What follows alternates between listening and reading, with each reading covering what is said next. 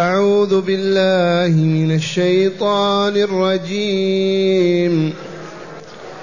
ولا تحزن عليهم ولا تكن في ضيق مما يمكرون. ويقولون متى هذا الوعد إن كنتم صادقين. قل عسى أن يكون ردف لكم بعض الذي تستعجلون. وإن ربك لذو فضل على الناس. وان ربك لذو فضل على الناس ولكن اكثرهم لا يشكرون وان ربك ليعلم ما تكن صدورهم وما يعلنون وما من غائبة في السماء والأرض إلا في كتاب مبين أحسنت.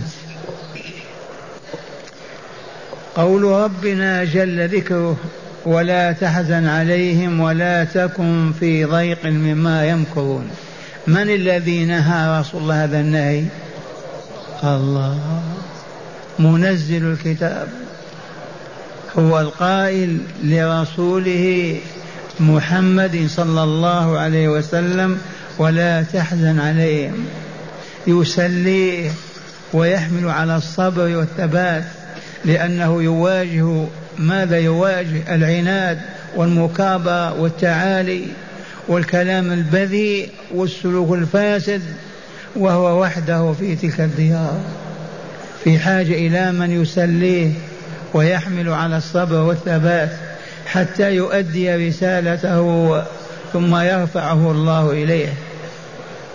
ولا تحزن عليهم ولا تكن في ضيق وشدة مما يمكرون.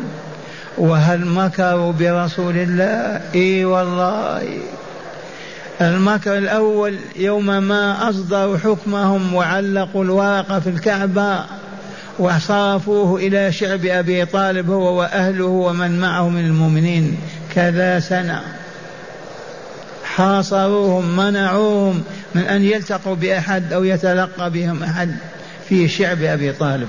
أي مكر أعظم من هذا المكر؟ ثانيا اجتمعوا في دار ابن من؟ في دار الندوة في ناديهم في ناديهم وتشاوروا وتبادلوا الرأي ثم أصدروا حكمهم بقتله صلى الله عليه وسلم. أي مكر أعظم من هذا؟ صدر الحكم بقتله وبعثوا رجالاتهم وشبابهم بسيوفهم عند بابه ينتظرون خروجه ما إن يخرج حتى يضربوا رأسه ويقتلوه. ولكن الله ولكن الله أخزاهم وأذلهم وأضاع مكرهم ونجى رسوله ولجأ إلى المدينة وهاجر إليها. ولا تحزن عليهم ولا تكن في ضيق في نفسك مما يمكرون من المكر العديد الشديد. وقد مكروا ويمكرون. وهذا شأن المشركين. الكافرين. أضداد الإسلام والإيمان إلى هذه الساعة والله لا يمكرون بالمؤمنين ويكيدون لهم ويتألمون لكمالهم وسعادتهم ويعملون على إشقائهم وإهانتهم إلى هذه الساعة. لماذا؟ لأنهم أموت أوساخ البشرية. ما دام ما آمنوا بالله ولقائه ولا عرفوا الله ولا رسوله ولا سمعوا كتاب الله ولا درسوه ولا آمنوا بلقاء الله وما يتم لهم فيه ويوم القيامة ماذا يرجى منهم؟ شر الخليقة. وصدق الله العظيم إذ يقول إن الذين كفروا من أهل الكتاب والمشركين في نار جهنم خالدين فيها. أولئك هم شر البرية والبرية البريئة أي الخليقة. من شر الخلق؟ ما هي القردة ولا الخنازير ولا الكلاب ولا الذئاب؟ شر الكفار الذين يخلقهم ويرزقهم ويكلؤهم ويخلق كل شيء من أجلهم ويلوون رؤوسهم ويعبدون الشياطين ويعصون الرحمن. كيف لا يكون شر الخلق؟ كل كافر هو من شر الخلق مخلوق مرزوق محفوظ. الكون كله مخلوق من أجله. ما يسأل من خلقني؟ أو ماذا يريد مني خالقي؟ ماذا يرغب مني؟ مروني نفعل. طاعة له وحبا فيه. أبدا لا يسألون. بل إذا ذكرته بالله يلوي رأسه ويضحك منك ويسخر ويستهزي بك كما فعل طغاة مكة. وإلى اليوم يفعلون. والعياذ بالله. فالذين ما زالوا يدعون إلى الله في أوروبا في أمريكا في العالم يجدون هذا الذي يجده الرسول صلى الله عليه وسلم. ما في ذلك شك. وحينئذ ينتفعون بهذه الآية. ولا تحزن عليهم ولا تكن في ضيق مما يمكرون. الضيق والضيق بمعنى واحد. الهم والغم والشدة في النفس.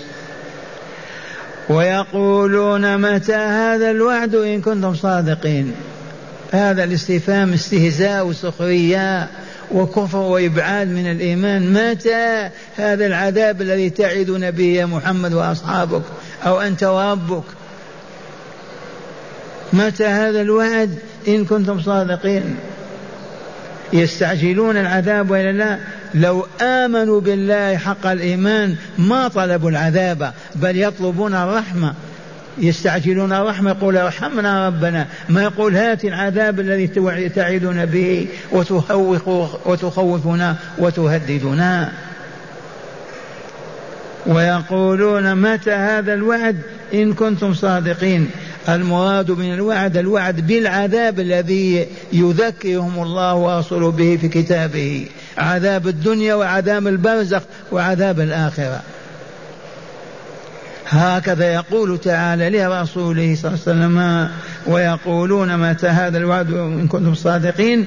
قل لهم يا رسول رسولنا قل عسى أن يكون ردف لكم بعض الذي تستعجلون. وراءكم قريب منكم كما تودف الرجل وراك في السيارة أو على الدابة. رديف لكم متى ينزل بكم؟ وقد تم والحمد لله وهلك هؤلاء الطغاة الجبابرة في بدر وأسروا وأذلوا وأهينوا إلى يوم القيامة. وصدق الله العظيم.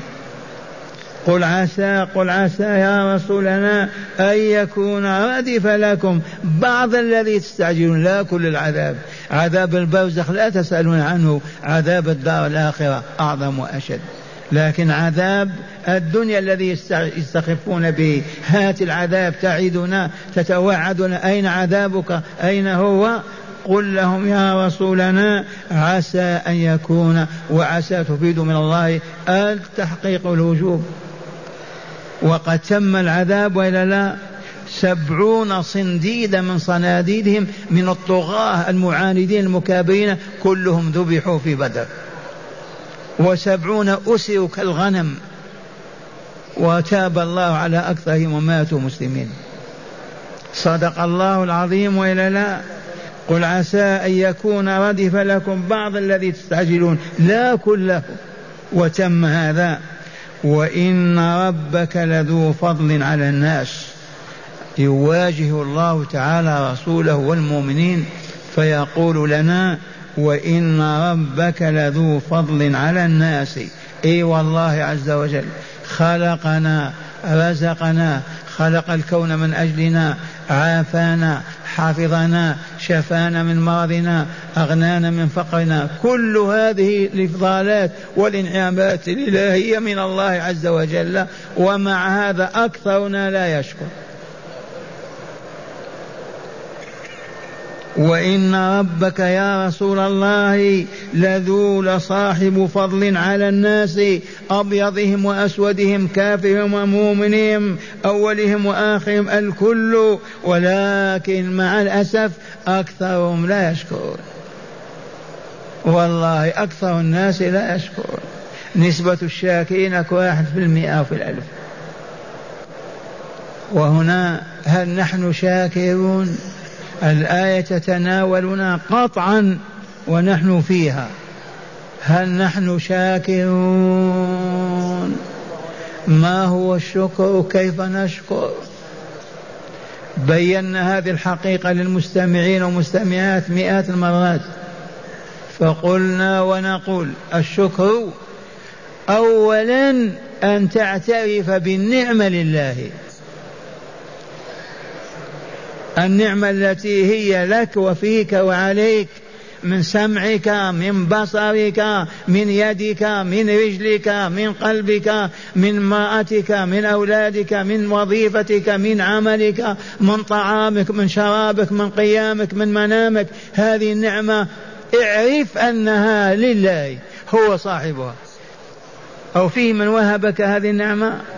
أو يوجد من يهابها؟ يجتمعون كلهم على كبد ما يصنعونها. على كلوة فقط من الكلى ما استطاعوها. من وهب هذه النعم؟ ما ننسى أن واهبها هو الله فلهذا أول خطوة في باب الشكر يا من يريدون أن يكونوا من الشاكرين أن نعترف بالنعمة لله ذي الفضل العظيم. وهذا الاعتراف بالقلب معترف موقن أن كل ما أنت عليه من الخير هو من الله عز وجل. ثانيا أن تشكر الله بالحمد والثناء عليه. أن تشكر الله بالحمد والثناء عليه. تريد أن تركب سيارتك. قل بسم الله. سبحان الذي سخر لنا هذا وما كنا له مقرنين وإنا إلى ربنا لمنقلبون. الحمد لله الحمد لله الحمد لله. الله أكبر الله أكبر الله أكبر. سبحانك ظلمت نفسي فاغفر لي فإنه لا يغفر الذنوب إلا أنت. بهذا كان الرسول يقول ويعلم أصحابه. يتقدم لك طعامك قل بسم الله فرغت منه قل الحمد لله. لبست ثوبك وأنت تلبس قل الحمد لله الذي كساني هذا الثوب ولو شاء لعاني. قل الحمد لله الذي أكرمني ووهبني وآلم وأسعدني ورزقني هذا الثياب ولو شاء لعاني. وكان الحبيب صلى الله عليه وسلم إذا رفعت السفرة من بين يديه ما يكاسوا فاركم والله. ما فيه إلا طعام واحد ما أطعمة.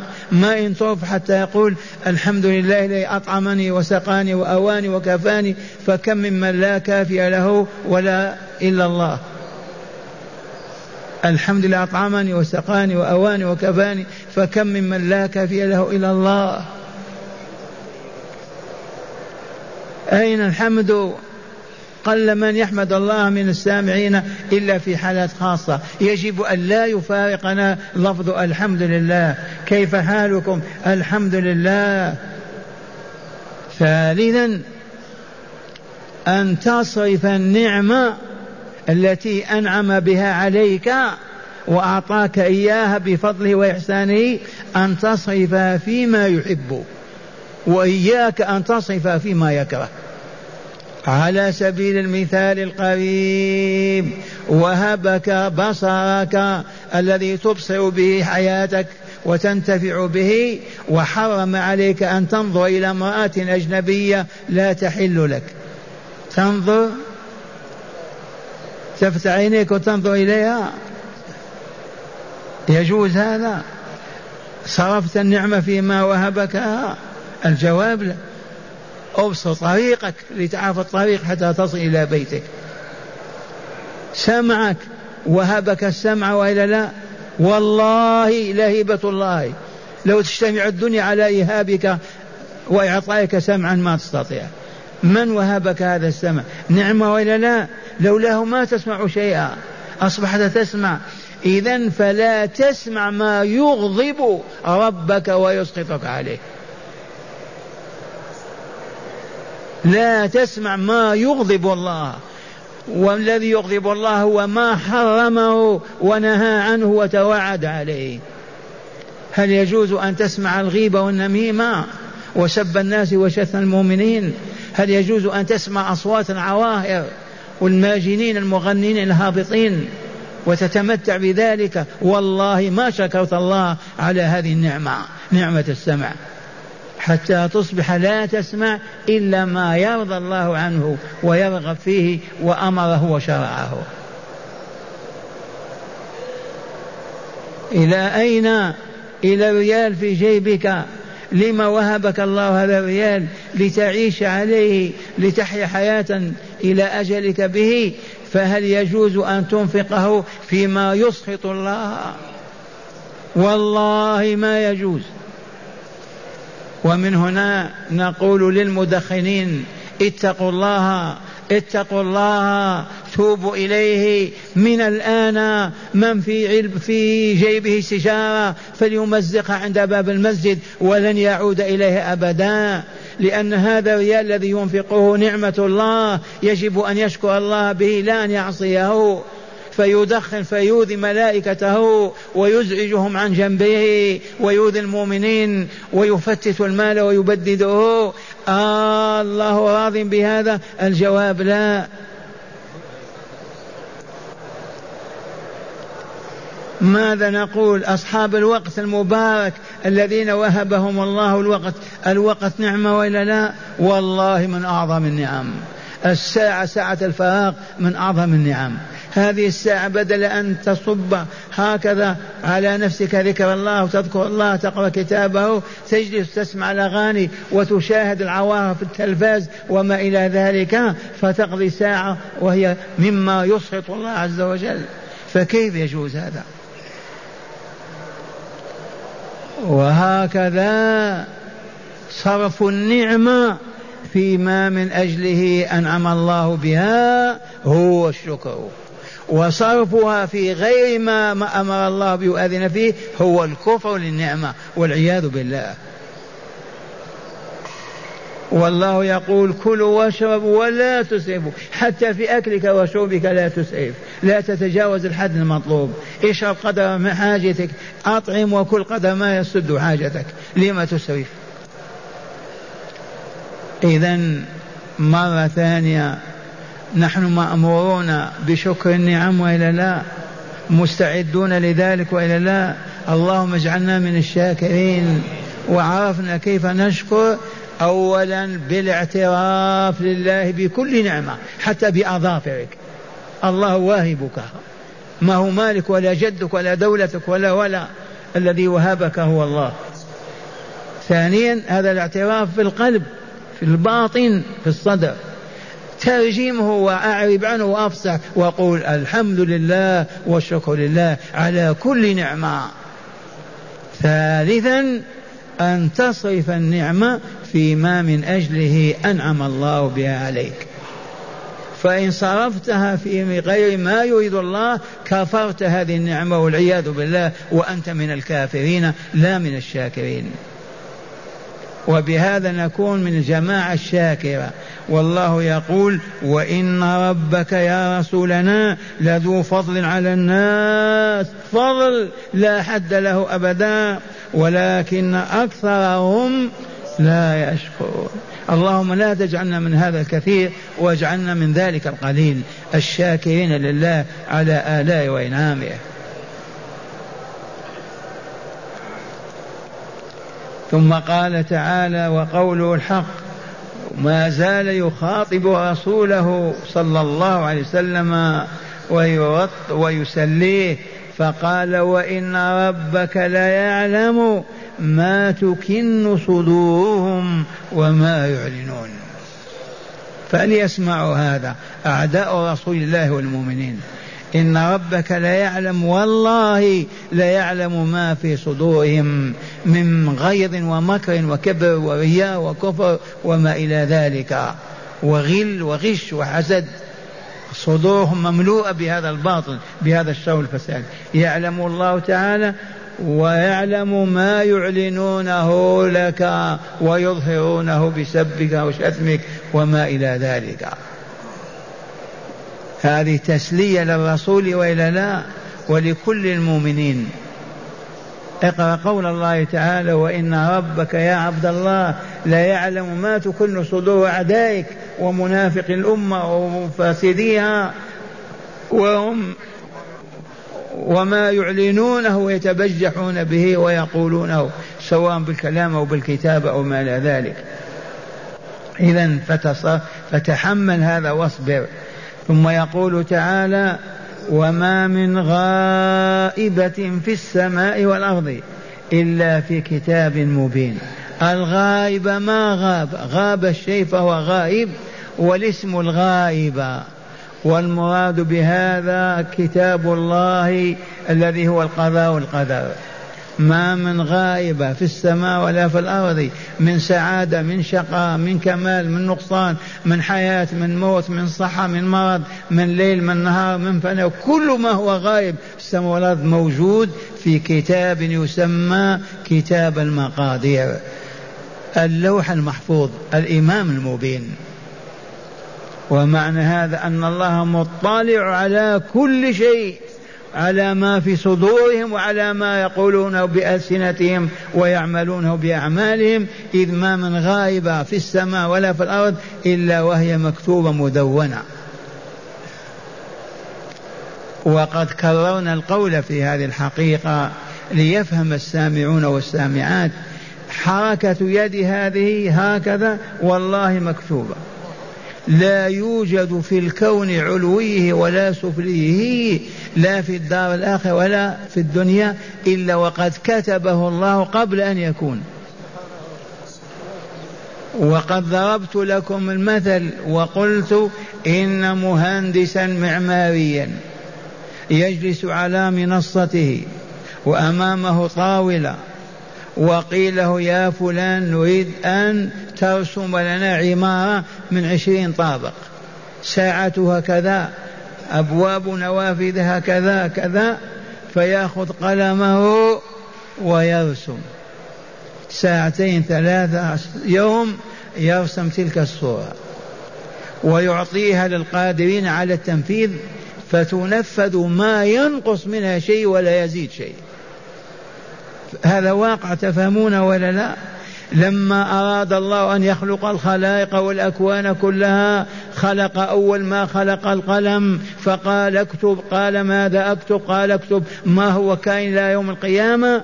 فكتب كل حدث يحدث في الكون فلا توجد حادثة خارجة غائبة خرجت عن كتاب الله كتاب المقادير. إنا كل شيء خلقناه بقدر. كل شيء خلقناه بقدر لا فوضى ولا اضطراب ولا ولا لو ما كان هذا لكان العالم فسد من قرون يضطرب بعضه ببعض ما يبقى. ولكن يتم حسب النظام الإلهي.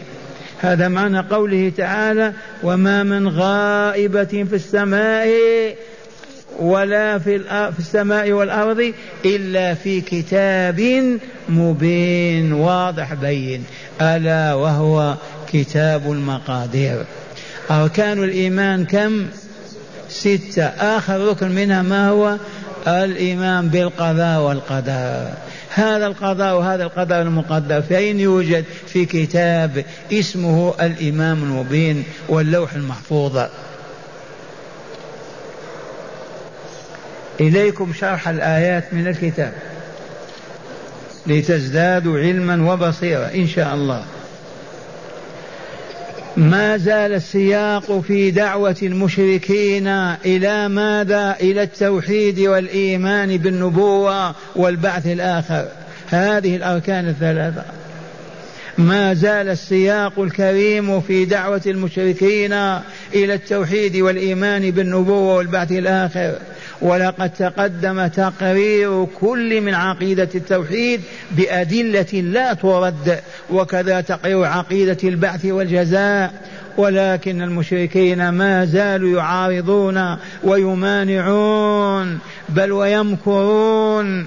فلذا نهى الله تعالى رسوله عن الحزن على المشركين في عدم إيمانهم كما نهاه عن ضيق صدره كما يمكرون ويكيدون له وللدعوة الحق التي يدعو إليها. هذا ما دلت عليه الآية الأولى وأما الآية الثانية والثالثة فإنه تعالى يخبر رسوله بما يقول أعداؤه ويلقنه الجواب. فقال تعالى ويقولون متى هذا الوعد؟ أي بالعذاب إن كنتم صادقين فيما تقولون وتعدون. قل عسى أن يكون ردف لكم بعض الذي تستعجلون. أي اقترب منكم ودنا وهو ما حصل لهم في بدر من الأسر والقتل. هذا ما دلت عليه الآيتان.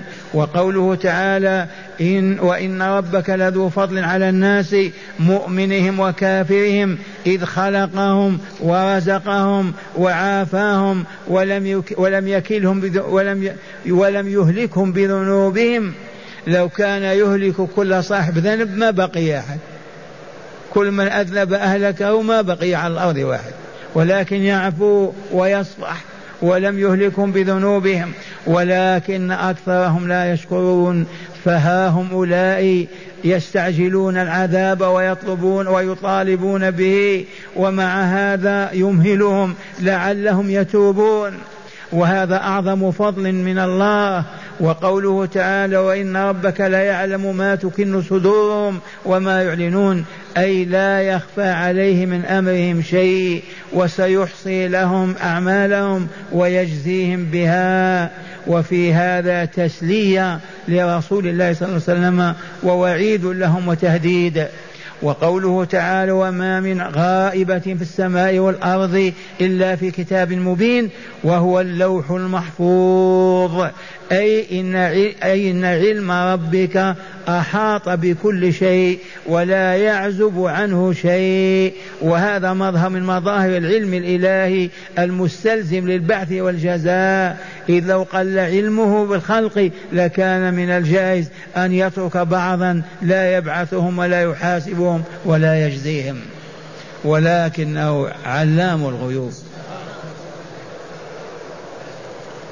هداية الآيات. نعم. بسم الله والحمد لله. من هداية الآيات. أولا تسلية الرسول صلى الله عليه وسلم لأنه يعاني شدة من ظلم المشركين وإعراضهم. تسلية النبي صلى الله عليه وسلم لما يعاني ويقاسي. والله ما عرفنا عشر ما كان يعاني ويقاسيه أبدا ولا ذقنا شيئا. فهو في حاجة إلى أن يصبره الله ويسليه ليثبت على دعوته. وقد ثبت وما هي إلا 23 سنة وقد انتصر الإسلام ولاحت أنواره في الجزيرة بكاملها وتجاوزها صبر. نعم. ثانيا بيان تعنت المشركين وعنادهم. بيان تعنت المشركين وعنادهم. إلى اليوم لو تواجه مشركا أو صاحب باطل وتعظ وتنصح له يقابلك بما قابل به المشركون. إلا من شاء الله. نعم. ثالثا تحقق وعد الله للمشركين حيث نزل بهم بعض العذاب الذي يستعجلون. تحقق وعد تحقق وعد الله للمشركين بالفعل هلكوا في بدر سبعون قتيلة وسبعون أسيرة ممن كانوا طغاة وجبابرة في مكة. صدق وعد الله فيهم وأذاقهم العذاب فضلا عن عذاب البرزخ من موته إلى يوم القيامة وعذاب القبر وعذاب النار الدائم الذي ما ينقطع. رابعا بيان فضل الله تعالى على الناس مع ترك أكثرهم لشكره سبحانه بيان وتعالى. فضل الله على الناس. إننا لفي نعم من الله. لا يحصيها إلا هو. أسماعنا أبصارنا عقولنا قلوبنا أولادنا نساؤنا ديارنا طعامنا شرابنا ظلنا شمسنا حرار هذه النعم من مولاها؟ الله عز وجل. كيف نشكرها؟ لو ظلنا طول اليوم والليل. الحمد لله الحمد لله. ما وفيناها. ولكن لا بد وأن نحمد الله في كل حين. خامسا بيان إحاطة علم الله بكل شيء. بيان إحاطة علم الله بكل لا يخفى على الله ذرة في الكون لا في السماوات ولا في الأرض. فلهذا أعمال الخليقة كلها محصية مسجلة مدونة لا يخفى عن الله منها شيء.